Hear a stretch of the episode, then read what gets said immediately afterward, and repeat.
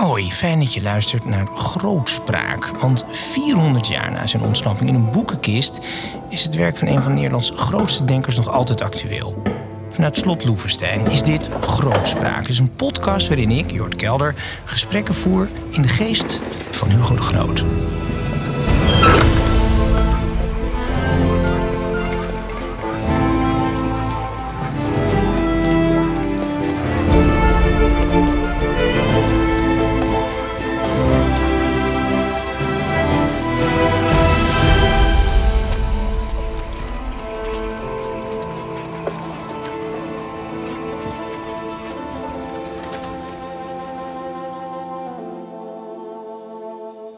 Vandaag over de rekkelijke en de precieze en over radicalisme in, uh, nou ja, niet in al zijn vorm, eigenlijk vooral in, in theologische en in politieke vorm.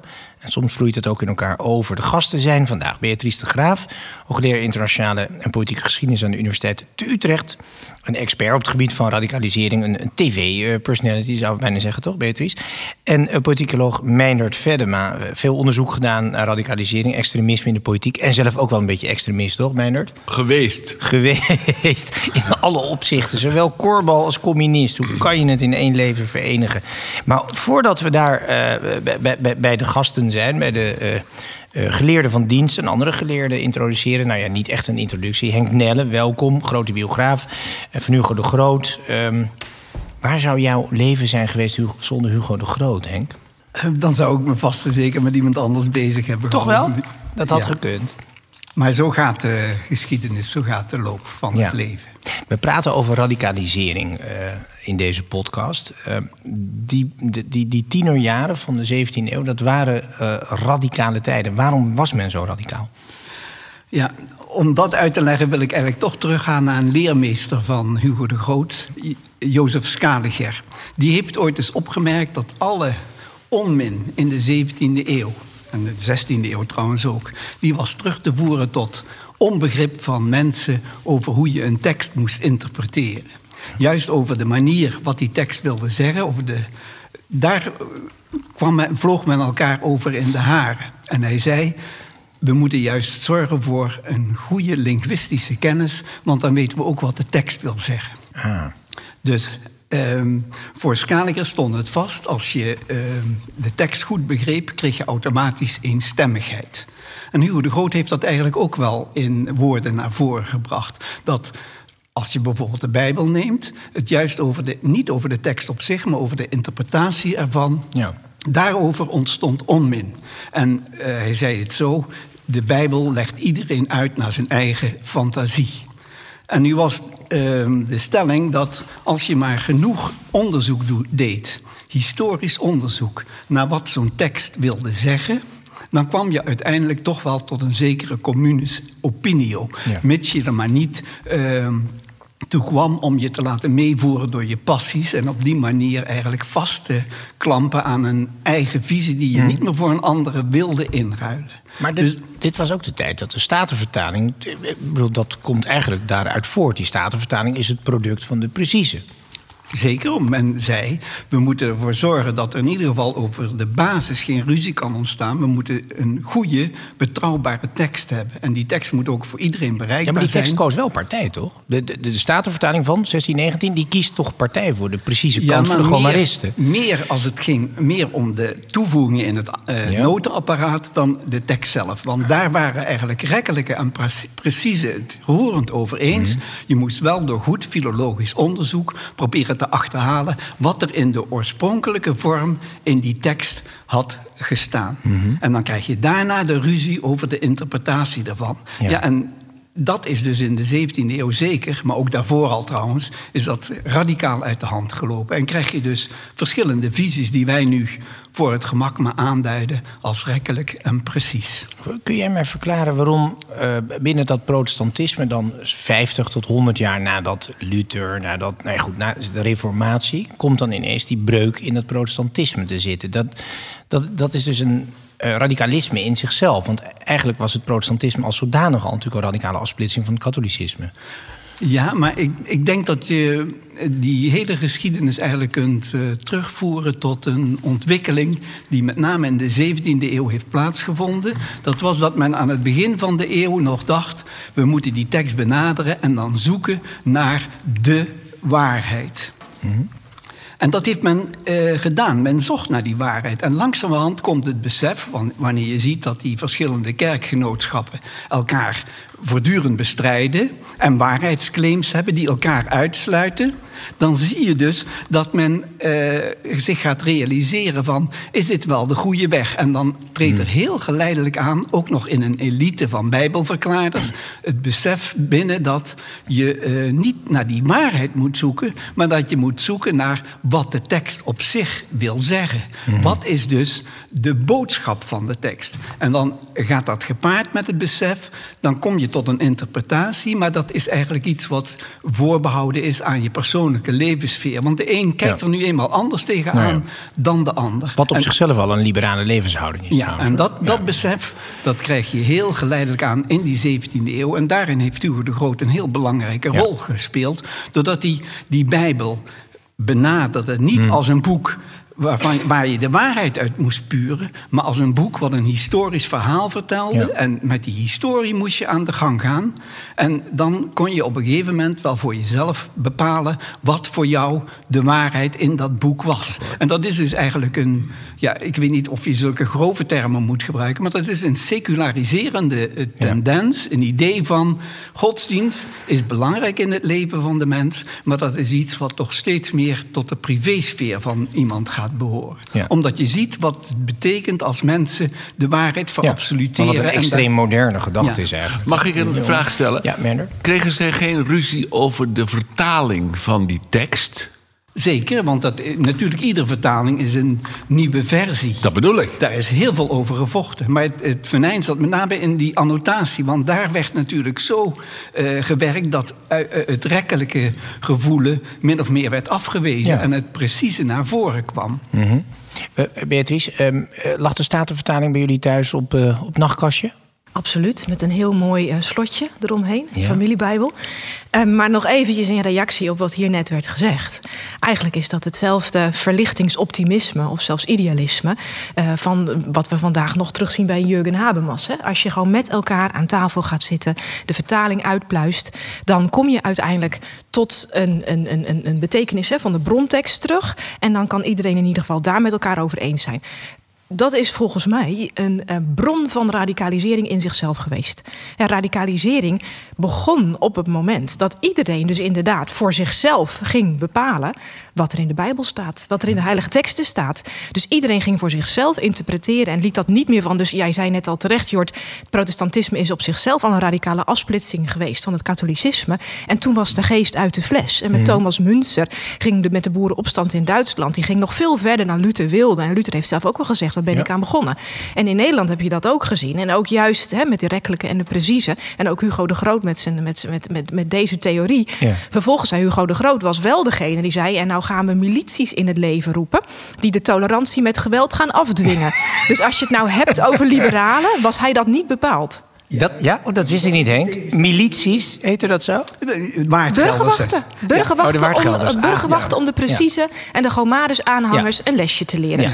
En dat was de, tolerante, intolerantie van de tolerante De tolerantie met geweld afdwingen. Dat klinkt, uh, ja... Heel. Ik ben het hier helemaal mee eens. Ik wil nog even terugkomen op die skaler die zei van... het is de grammatica die we moeten beheersen, de linguïstiek.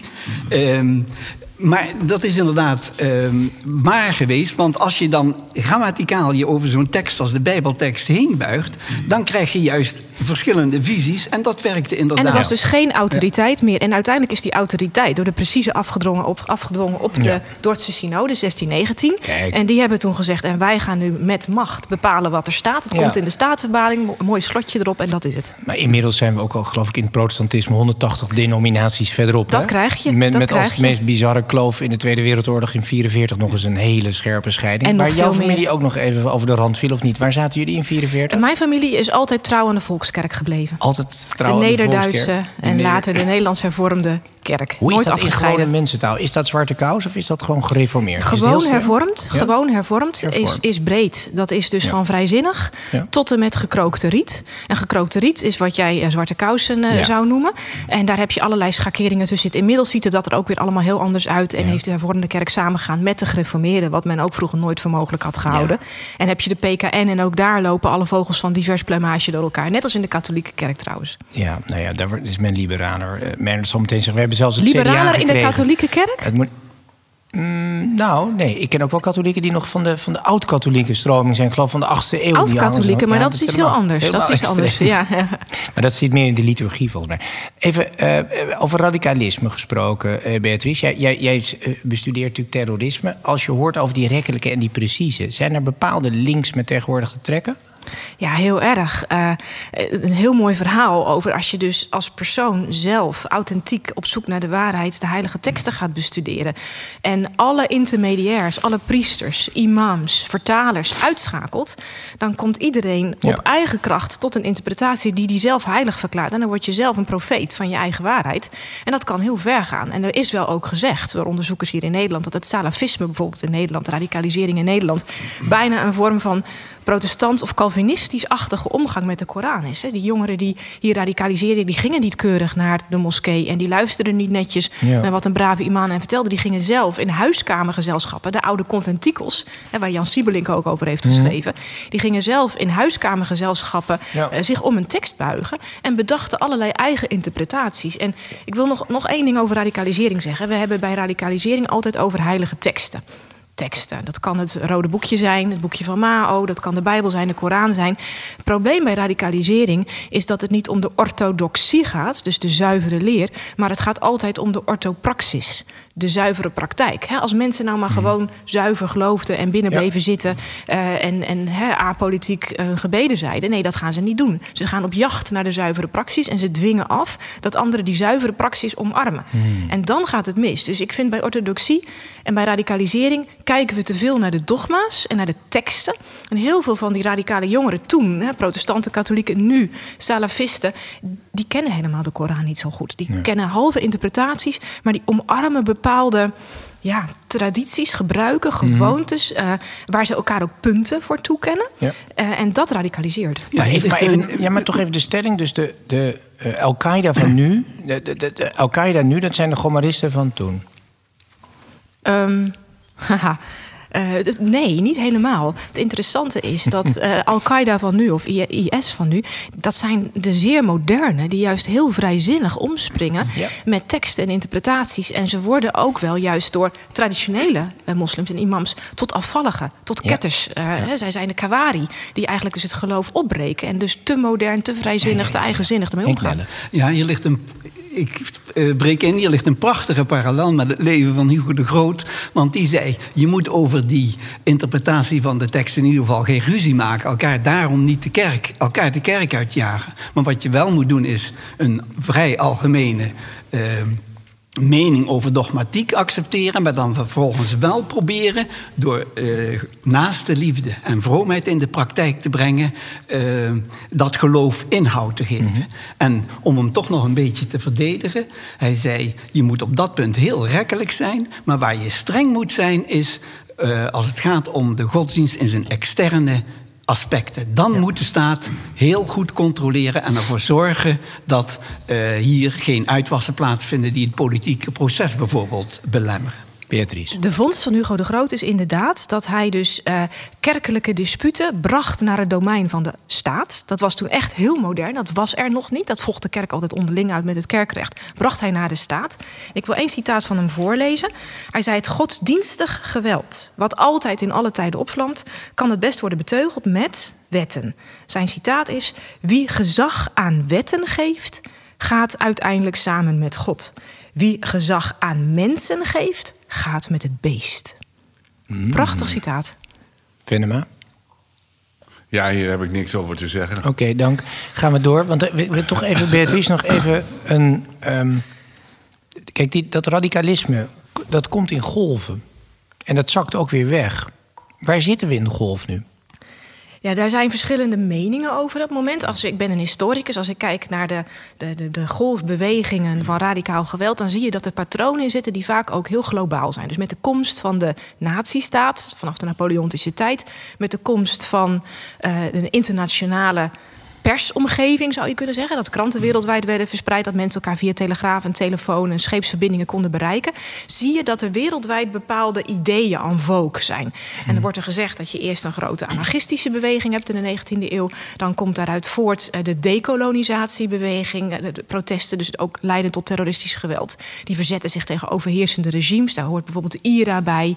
Eh, daar hoort ook zowel Joodse als Palestijnse organisaties, terroristische organisaties bij. Dan krijg je het revolutionaire geweld. Uh, het extremisme van links-revolutionaire snit. En dan zouden we nu in de golf van heilig geweld zitten. Waarvan Bruce Hoffman, dat is de expert, die zegt die is in 1979 begonnen. En we gaan ervan uit dat hij nu een beetje over zijn hoogtepunt Waarom heen is. met Iran, met de revolutie in uh, Met het grote idee dat uh, het, het, het, het Ba'athisme, het nationalisme, het socialisme had afgedaan. En er kwam een nieuw idee, de sharia, theocratie op vanuit islamitische snit, die de wereld ging veroveren. Mm -hmm. en ook de oorlog natuurlijk tegen Rusland en Afghanistan. Dat ja. trok natuurlijk ook allemaal Zeker, ja. jihadisten aan. Nou, dat wordt dan als beginpunt gezet, met als hoogtepunt de jaren 90, 2001, 4. Je ziet dat het aantal aanslagen, ook dodelijke slachtoffers, afneemt. Neemt af, toch? Of is dat perceptie? Een, nee, Omdat dat, we met, met, met een ziekte op dit moment bezig zijn. Dat zou kunnen, maar IS was natuurlijk voor de lockdown ook al verslagen. En ja. dat neemt dan ook wel echt af. Je ziet ook dat er nu bijvoorbeeld geen jongeren meer naar Syrië of Irak willen vertrekken. Mm. Maar er wordt al wel dus gesproken over een zogeheten vijfde golf. Dat weet ik niet zeker of die er is. We weten wel dat vaak als een golf bezig is, dat je de golf die aanzwelt, dat je die over het hoofd ziet. Dus iedereen was nog bezig met de Rotomee-fractie en toen was dus al het heilig terrorisme mm. van jihadistische snit in opkomst. En dan zijn er mensen die zeggen het rechtsextremistisch geweld is nu in opkomst. Ik weet dat niet, omdat ik het gevoel heb, ja. ook uit het verleden, dat je ziet dat rechtsextremistisch uh, geweld eigenlijk als een soort parasitaire beweging op elke golf meelichten. Die was er in de 19e eeuw, die was er in de 20e eeuw. De nazi's die was er in de jaren 50, 60, 70. Waren er ook heel veel Zit dat niet meer in de categorie van QAnon en zo? Ik weet niet of dat rechts is. Het is ja, dat, is dat, over, eigenlijk? dat overlapt wel heel sterk dat met zijn meer de complotdenkers. Antisemitisme, hè? Ja. heel erg toch. Ook. Ja. Wat ook links trouwens kan zijn, maar in dit geval... En is het, en is het een restauratiebeweging of is het een vernieuwingsbeweging? Want ik hoorde jou eigenlijk eerder zeggen... Eigenlijk, nou nee, QAnon, maar zo die, die... Laten we zeggen, de laatste bewegingen nu in, de, in, in, de islam, in het islamterrorisme. Zijn dat nou vernieuwers of zijn het eigenlijk restaurateurs? Ja, zij zeggen zelf uh, dat ze vernieuwen door terug te gaan naar de bron. Dus het is buitengewoon paradoxaal. Het, het, het, salafisme, dat is de terugkeer naar de wortels. Ja. Maar dat zijn vermeende wortels. Die natuurlijk zo ook in het verleden nooit echt zijn geweest. En er worden ook allerlei uh, uh, ja, praktijken dus ontwikkeld. Tandenpoetsen met een houtje. Uh, bepaalde bepaalde aantal mensen bekeren de straat. Sorry hoor, je moet niet te snel. Tandenpoetsen met een houtje, dat vinden ze vernieuwing? dat is dus teruggaan naar de bron. Dat is ja. dus niet vernieuwing. Ja. Wie weet is heel goed voor je tandvlees. Misschien ook als ze geopereerd worden zonder heel verdoving. Goed. Gaan we dat ook eens proberen. Ja, precies, Daar komen ze heel snel op terug. Ja. je ziet dus dat in die beweging eigenlijk die twee zielen van vernieuwing en restauratie met elkaar uh, strijden. Want uh, terroristen zijn wel vaak early adopters. Dat zijn degenen die het eerst Twitter hebben omarmd, die het eerst social media. Daar zeker. waren ze dus heel modern in. Maar het is dus in die zin heel duaal. Ze zijn aan de ene kant heel ouderwets, aan de andere kant om, omhelzen ze de moderniteit. Um, Oké, okay, dus, dus de, je weet niet precies of in welke golven zit. Of de golf een beetje uitgespoeld is, zodat er nog een, een, een, nieuwe aan zit te komen. Ja, op een gegeven moment komt hij wel weer. Zitten er, zitten er tijdsbepalingen? Want jij zegt uh, 19e eeuw, je, uh, 1979, je had een paar data. Is daar een soort, zoals bij de economie, een ja, de logische golf van Kondratjev, hè? Ja, die Kondratjev, uh, ja, zeven jaar geloof ik. Wat is het? Ja? Nou ja, terrorisme voldoet nog minder aan wetten dan de economie dat al zou doen. Ja. er wordt wel gezegd, elke, elke golf duurt ongeveer 40 jaar. Je zou kunnen zeggen dat is een, een generatie, bijna een bijbels, bijbels begrip, hè, 40 jaar door de woestijn. Je zou kunnen zeggen dat dan na verloop van tijd zo'n golf aan aantrekkelijkheid verliest. Omdat het merk, hè, het merk van het linksrevolutionarisme, mm. dat raakte uitgewerkt toen de muur viel en het communisme failliet ja. ging. Het merk van dekolonisatie raakte ook uitgewerkt uh, toen er allerlei uh, postkoloniale regimes aan de macht kwamen. Het merk van anarchisme is uitgewerkt. Ja. ja. Meijnerd Venema, even naar de politiek en dan vooral in het Nederlandse landschap, uh, toch jouw vak. Um, in de jaren 80 stemde zo'n 80% in Nederland op een van die drie grote partijen. Dus Partij van de Arbeid, CDA, VVD. Uh, tegenwoordig zie je eigenlijk een soort ja, middelpunt, middelpuntvliedende krachten. Dat de, de vleugels, ik geloof dat we de verkiezingen nu ingaan met 17 of 9, nee, ja, ja. 27, ik weet niet eens meer, maar tientallen partijen. Um, is dat ook een radicalisering? Nee, maar voordat ik daarop inga, wou ik nog even een, dat mag. in aanvulling um, op die discussie over de, de bronnen van, van het radicalisering en terrorisme. Het is mijn stellige overtuiging dat, dat, dat het radicalisme, het geweld, uh, bijna altijd gebruikt wordt door groepen die aan de verliezende hand zijn. Dus die, die, uh, die, die islam die, die is aan het verdwijnen. En dan krijg je dus extreme groepen die dat niet accepteren. Ze vechten tegen de geschiedenis. Ze vechten, tegen de bierkaai en dat is heel onaangenaam en daar wordt geweld bij gebruikt. Beatrice, kijk, dat is ook gebeurd. Nou, statistisch klopt dat niet. Nee? De islam, het uh, aantal gelovigen neemt toe. Nee, maar als, als is. Nee. Maar hun levensstijl nee, maar is niet hun, aan de winnende. Nee, wat bedoel je precies? Wat bedoel je precies met Ze gaan eraan. Het, het is allemaal niet vol te houden, die, die islam. Ja, dat, dat, vind ik nogal een, een, een. Daar moet ik even over nadenken. Oh ja, dat, kijk, kijk, ja. kijk, laten we zeggen naar de islamitische gemeenschap in Nederland. Ongeveer een miljoen mensen. Ik rond het even af. Ik weet niet hoe jij het telt. Ja, ja. Hoeveel procent daarvan is. Uh, zeg maar puur salafistisch. We zouden misschien zelfs radicaal mogen zeggen. Ja, ik vind dat heel moeilijk. 10, 20 procent? Veel meer zal het nee, niet zijn, Nee, minder. Veel minder. Minder nog, minder. Ja in zoverre, je hebt gelijk dat ze een achterhoedegevecht vormen. Ook, uh, je hebt ook gelijk dat ze in een defensief zitten en een hele kleine minderheid vormen.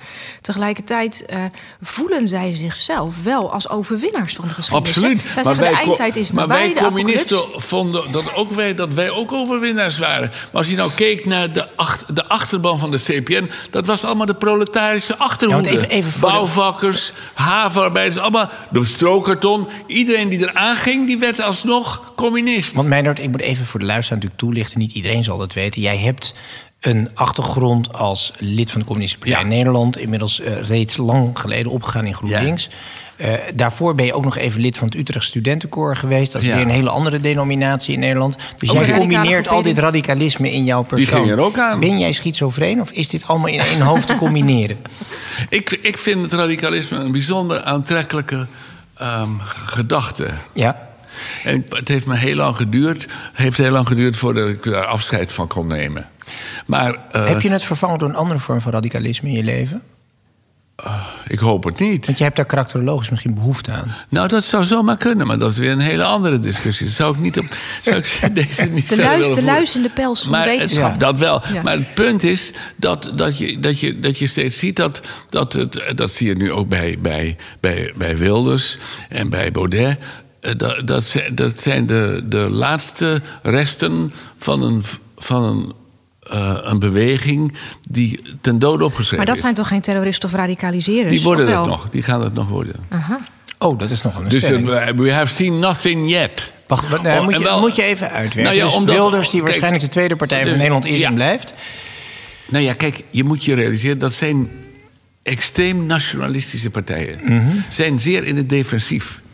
Zij zien dat de EU op, oprukt. Mhm. Ze zien dat. dat Het eh, populisme rukt wereldwijd op.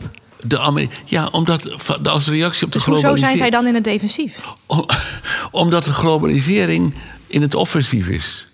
Ja, maar Dus dit is een je- populistische vorm van globalisering. Die heb Nee. je ook. Hè. Globalisering is niet per definitie progressief. Die kan juist ook heel populistisch en repressief en zelfs autoritair zijn. Je ziet juist een vorm van autoritaire globalisering. Leg, Maar leg het even wat toe, is dat? want globalisering is Nou, eigenlijk de liberale wereldorde. Eh, Ja. Weinig eh, open grenzen, handelen met elkaar, eh, expats die de metropolen be- bevolken. Dat, Dat, is is een de beetje liberale globalisering. variant toch? van Ja, de multinationals, maar ja. als je zegt globalisering is een vrij verkeer van mening, goederen, diensten. En als je ziet dat er netwerken ontstaan waarin die meningen, goederen en diensten een steeds populistischere, nationalistische, eh, rechtsextremistische snit krijgen. Als je ook ziet dat de grote techgiganten dat soort bewegingen Ja, ja. eigenlijk de hand Oh, maar dat het hoofd bedoel ik helemaal niet. Nee, dat bedoel ik helemaal niet. Ik bedoel te zeggen dat het populisme, wat jij populisme noemt, hè, dat dat een reactie is op de globalisering. Dus als je, als je naar. eh, hoe is dat begonnen? Met de. Met de globalisering van de arbeidsmarkt. Dus er kwamen allemaal gasten bij. Dus later eh, de, verke- de families ook. En daar werd, werd, eh, die, daar werd verzet tegen aangetekend. Eerst door Jamma, toen door Fortuyn. Daarna door Wilders, nu door Baudet. Je zou zeggen een grote groeiende groep. een groeiende groep. en het wordt nog veel 20, erger. 20 want, van de electoraat of zo. Want ik zei, eh, dit, maar Ja, is dus je maar, bent toch niet in defensief? dit is maar klein bier. Want de volgende groep die ons land wil overmeesteren... dat zijn de expats. Ik weet niet of jullie wel eens in Amsterdam komen. Ik nog wel, niet vaak gelukkig. Ik, ik dagelijks. Maar En ja? je, je op straat, als je door de pijp loopt, hoor je geen Nederlands meer. Als je in Amsterdam Zuid bent, dan hoor je het is nu vrijwel geen rustiger Nederlands. hoor. In de, in de lockdown is het wat rustiger. Omdat ze het- eh, terug Maar, de- maar de aanhangers van de PVV en FVD, hè? Ja? eh, dat zijn juist degenen die gebruik maken van globalisering. Door met goedkope vluchten eh, te gaan waar ze willen. Door gebruik te maken van goedkope diensten. Die ma- bestellen massaal bij Alibaba. Maar dat doen we allemaal natuurlijk wel. hè? Zeker, maar het, het idee waar ik dus moeite mee heb... is te zeggen, ja, dit zijn de mensen die in reactie op of zich afzetten... tegen de globalisering. Ja. Ze omarmen het ook. Maar je, moet, maar je, hebt, maar toch- je, hebt het nog, gaat- een- nee, maar je hebt nogal een radicale stelling. Je Het- hebt gezegd, het dit eindigt het terrorisme dat vanuit... mensen, vanuit mensen nee, maar- voelen zich in het toenemende mate, ik, z- ik rond af, Ja? minderheid in eigen land. Dat is het concept. Je, Ja, ja. Bent, je, je bent niet meer baas in eigen huis, want er zijn allemaal buitenlanders. Eerst waren het de Turken en Ja. Marokkanen, nu zijn het de, de expats die gewoon bepalen wat hier gebeurt. Maar worden die dan terrorist, die mensen die zich zo voelen? Dat komt. Ik vind het nogal een stelling ja, hoor. ik ook. Ah, ja. Ik Kijk, zeg het maar, ik, daarom, het is een Maar, maar discussieprogramma. jij toch? verwacht dat er een soort radicale nationalistische groep zich Ja. gaat verzetten tegen buitenlandse en Engelstalige elementen. Ja. We hebben een eerdere aflevering in de podcast natuurlijk gemaakt over de verengelsing. Ja. Waar vanuit Lotte Jensen oppositie tegen is, maar wel zeer genuanceerde oppositie. Dat, ik had nog niet de indruk dat Lotte zich al in een militair outfit heeft eh, uitgedost. Nee, maar ik zeg Maar, ook ja. niet dat Nou, de dan mensen doet die ze Napoleon ik zeg ook, nee, maar ik zeg ook niet dat Wilders of Baudet dat dat terroristen worden. Ik zeg alleen maar het is een hele defensieve eh, beweging die je overal ziet. En die noem- noemt men vaak populisme. Maar het is eigenlijk een vorm van neonationalisme. Het is allemaal, ze willen uit de EU. Grenzen dicht. En we moeten mensen- weer baas mensen- in eigen... Oké, Ja. Beatrice. Hoe zie jij dat radicaliseringsproef? Ja, kijk, radicalisering is inderdaad het proces dat je in toenemende mate zulke radicale gedachten erop nahoudt dat je bereid bent de democratie te ondermijnen en dat desnoods met geweld te doen. Maar je ziet eigenlijk uit die golf hè, waar we het net over hadden, dat, dat sta- ontstaat nooit zomaar spontaan. Je hebt dus inderdaad individuele psychologie, bepaalde mensen zijn er gevoelig voor, maar dat ontstaat nooit zomaar spontaan. Je hebt ook groepen nodig. Mensen, leiders, die bewust zo'n beweging aaneensmeden. En dat is bijvoorbeeld ook de reden wat je in Amerika hebt gezien. Die bestorming op het Capitool, die was zonder Trump, die was zonder de verkiezingsleugen niet ontstaan. En die mensen die zich Ja. hebben laten opjutten en meeslepen, die staan nu voor de rechter en zeggen: wat is mij overkomen? Waar was ik mee bezig? Met andere Ja. woorden, op het moment dat je hier dat soort leiders krijgt die mensen opjutten en opruimen. Ik was dus met de avondklokrally hier, was ik, zat ik echt aan alle social media kanalen die je kende gekluisterd. Want het leek er even op dat een aantal lokale politici dat die inderdaad aan het ophitsen waren. En het bleek ook achteraf dat ophitsers veel van rechtsextremistische snit waren, voetbalhooligans, dat het uit die hoek kwam. Du moment dat eigenlijk geheel Nederland zich daartegen keerde.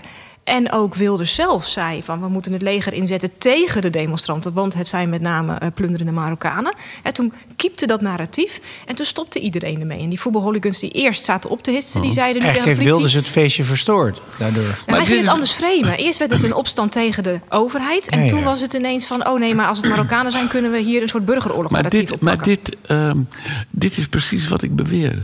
Want Mhm.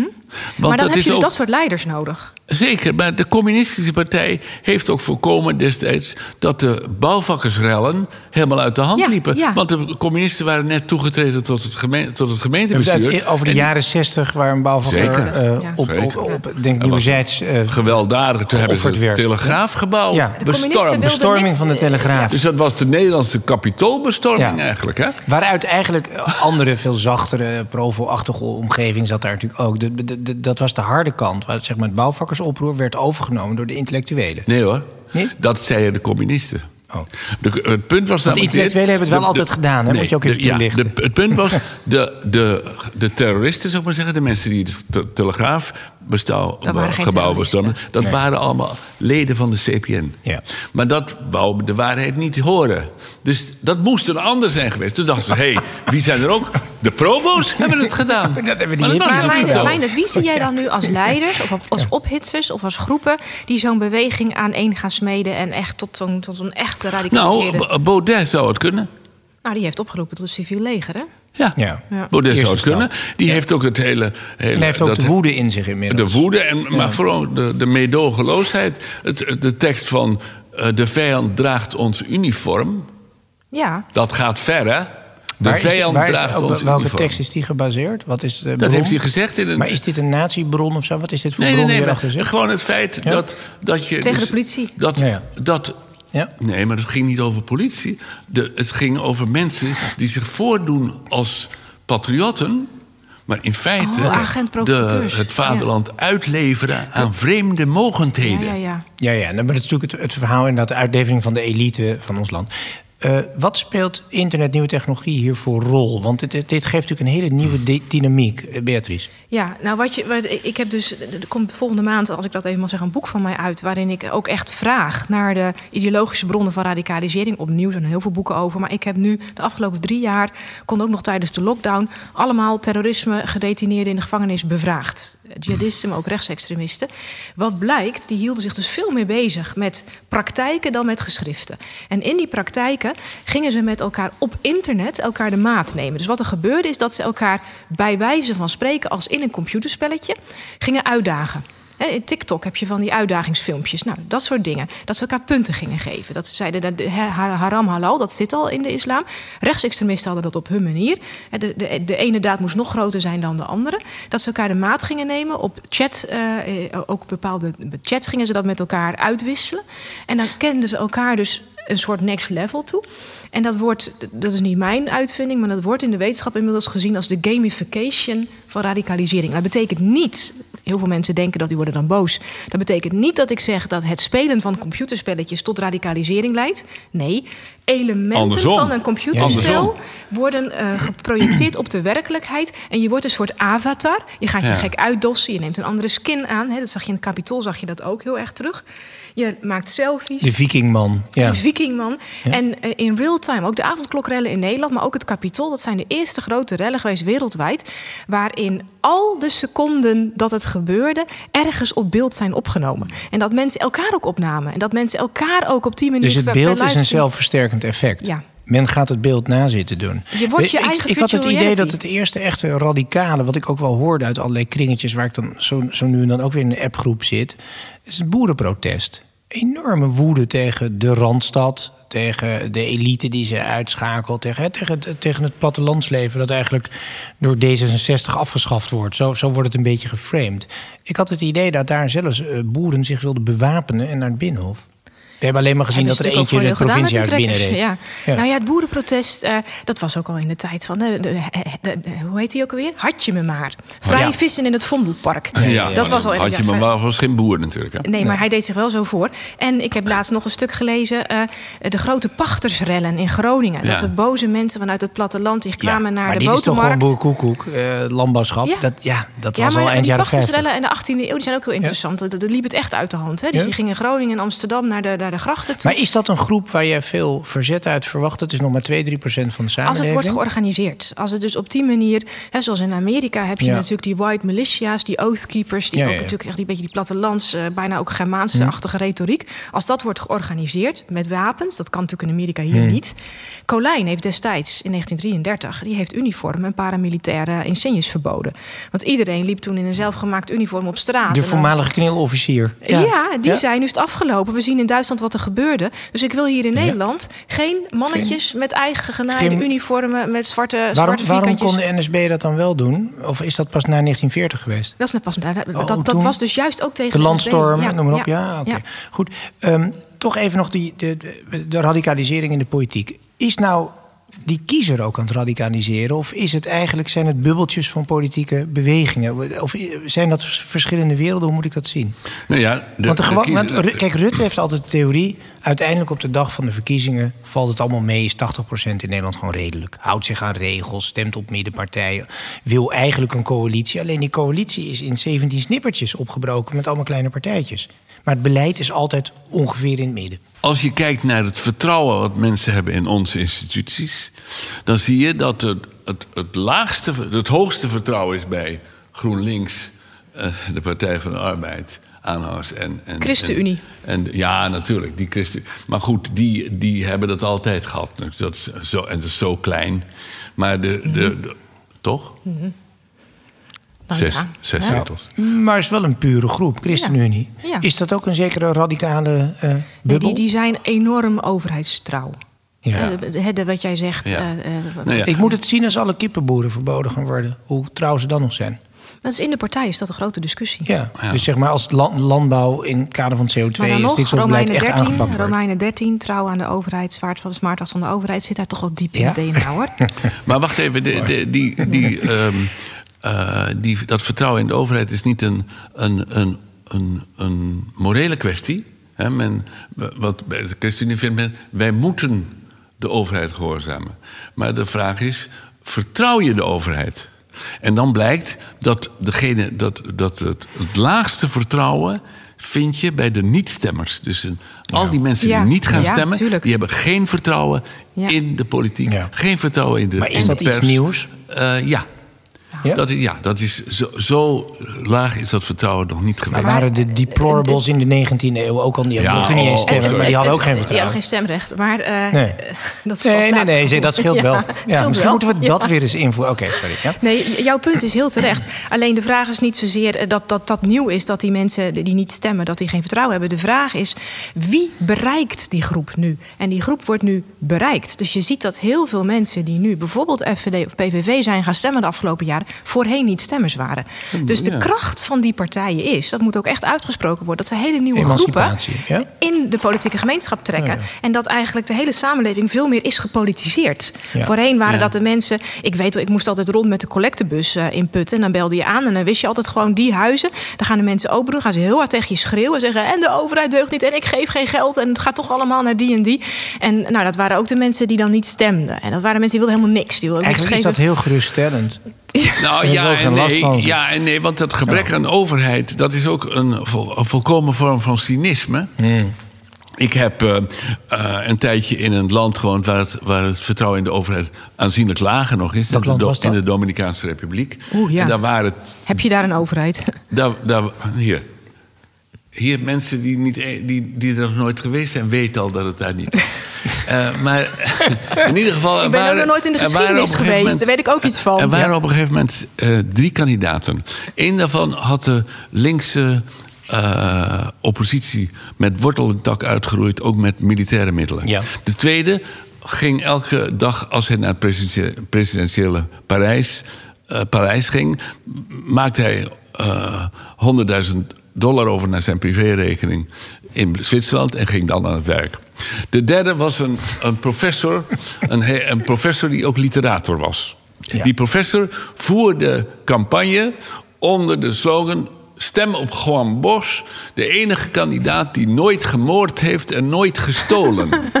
Zijn tegenstanders zeiden: daarom is hij ook niet geschikt als president van de Verenigde Hij is niet cynisch Het lijkt wel een leiderschap. Dat gaan wij, Ja. Nee, maar Ja. dat gaan wij hier ook krijgen. Ja. Dus Trump, eh, Baudet, dat zijn allemaal mensen die laten zien dat zij geld stelen. Ja, Berlusconi dan- heeft op die en- manier en dan, natuurlijk En tijden... zeggen de mensen, ja. kijk, die moeten we hebben. Want die, want die lui daar Nou, eh, dat bij was de voor, Nederlandse Trump, bank... voor veel die- Trump-aanhang. Van dat is een zakenman Ja. en rommelt een beetje. Maar in Ze zijn Italië je voor vaak het Ze zijn respect voor bang voor Berlusconi.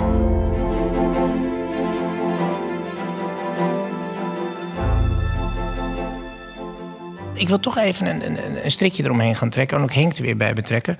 Zullen we het ook een klein beetje relativeren? We zitten hier op de plek waar Hugo de Groot vastgehouden is. In de staatsgevangenis in Loevestein. tegengehouden. Ja, maar dat, nou ja, goed, maar dat is dus wel een periode geweest waarin een deel van de elite, dus de, de, de, de kooplieden, regentenklasse, die tegen de Oranjes misschien, nou ja, geef het een naam, maar eh, gewoon eh, vastgenomen werden en eh, deels werden geëxecuteerd van onder Barneveld. Ehm, dan zijn we er nu toch een stuk beter aan toe. Want als ik jullie zo hoor, in ieder geval Meijnerd hoor, dan is die radicalisering, dit leidt nog tot nieuwe staatsgrepen, enorme uitzettingen. geloof Het is toch allemaal best wel kabbelend, of niet? Ja, Ik, ik heb ook het idee dat radicalisme op televisie, ik werk zelf in de industrie, het is ook tijdverdrijf. Het is een beetje infotainment. Vervolgens ook, hè? nemen we weer een koffie to go voor, Oh, dat zes- geloof voor ik 6 helemaal euro. niet. Dat geloof ja. ik helemaal niet. Ja, ik help het je hopen. Ik geloof het absoluut niet. Want ik heb al gezegd, you haven't seen nothing yet. Dat de, mate een waarin, apocalyptische de, mate, de mate waarin Nederlanders hun identiteit wordt afgenomen, Ja. daar heb je geen, be- geen beeld van. Er kan nu al niet meer op de universiteiten in het Nederlands gedoseerd worden. Ah, ander- dat hebben we in een Nee, andere Jawel, podcast dat kan behandeld. best. Ja, in nog één ding, hè? In Ut- Utrecht. Ja, Slotwoord Beatrice en dan Henk. Ja? Het feit dat in Nederland zoveel mensen zo te hoop zijn gelopen rond die toeslagenaffaire. Ja. En dat iemand als omzicht zo op het schild wordt gegeven vanwege zijn sociale geweten. En de manier waarop hij de overheid een morele spiegel voorhoudt. Mhm. geeft aan mij het gevoel dat de meerderheid van de Nederlandse mensen zit er niet alleen maar voor hun eigen portemonnee. Er is hoop. Ja. Henk? Moet ik hier nu een commentaar 17, op geven? was, nee, maar, nee, Wat maar je, hoeft, de je, hoeft niet te, com- je hoeft niet de, de eh, periode van nu voor mij te becommentariëren. Maar mijn stelling dat eigenlijk de 17e eeuw toch wel een stukje radicaler was. Daarna komt nog de 30-jarige oorlog. De, noem maar op wat er voor bloedbaden ja. nog volgen tot 1648. Ja, nu vraag je mij om het te begeven in een moeras. Waar ik We zitten ook midden in een moeras hier, Als we het dus, hebben ja. over vooruitgang, dat is een probleem wat altijd weer o- op geld doet en wat niemand kan oplossen. Ik Ja. denk dat er dingen beter zijn geworden. Ik behoud toch dat optimisme, wat bijvoorbeeld eh, voor mij gestoeld is op het feit dat we eh, veel beter kunnen registreren wat er momenteel eh, aan de hand is. Er is eh, je hebt verwezen naar het feit dat alles tegenwoordig gefilmd wordt, dat alles opgenomen wordt.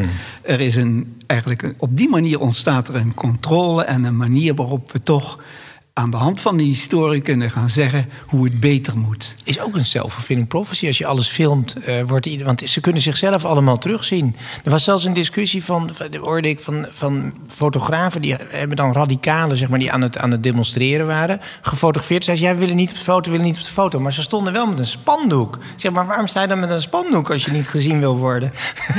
Nou, over Hugo de Groot, wat ik, wat ik echt wel, eh, hè, de- als we het toch Ja. over Hugo Groot hebben, wat hij in de geschiedenis heeft gezet, wat wereldwijd is overgenomen, waar we vandaag de dag de, v- de, vlucht, de vruchten van plukken, dat is het natuurrecht.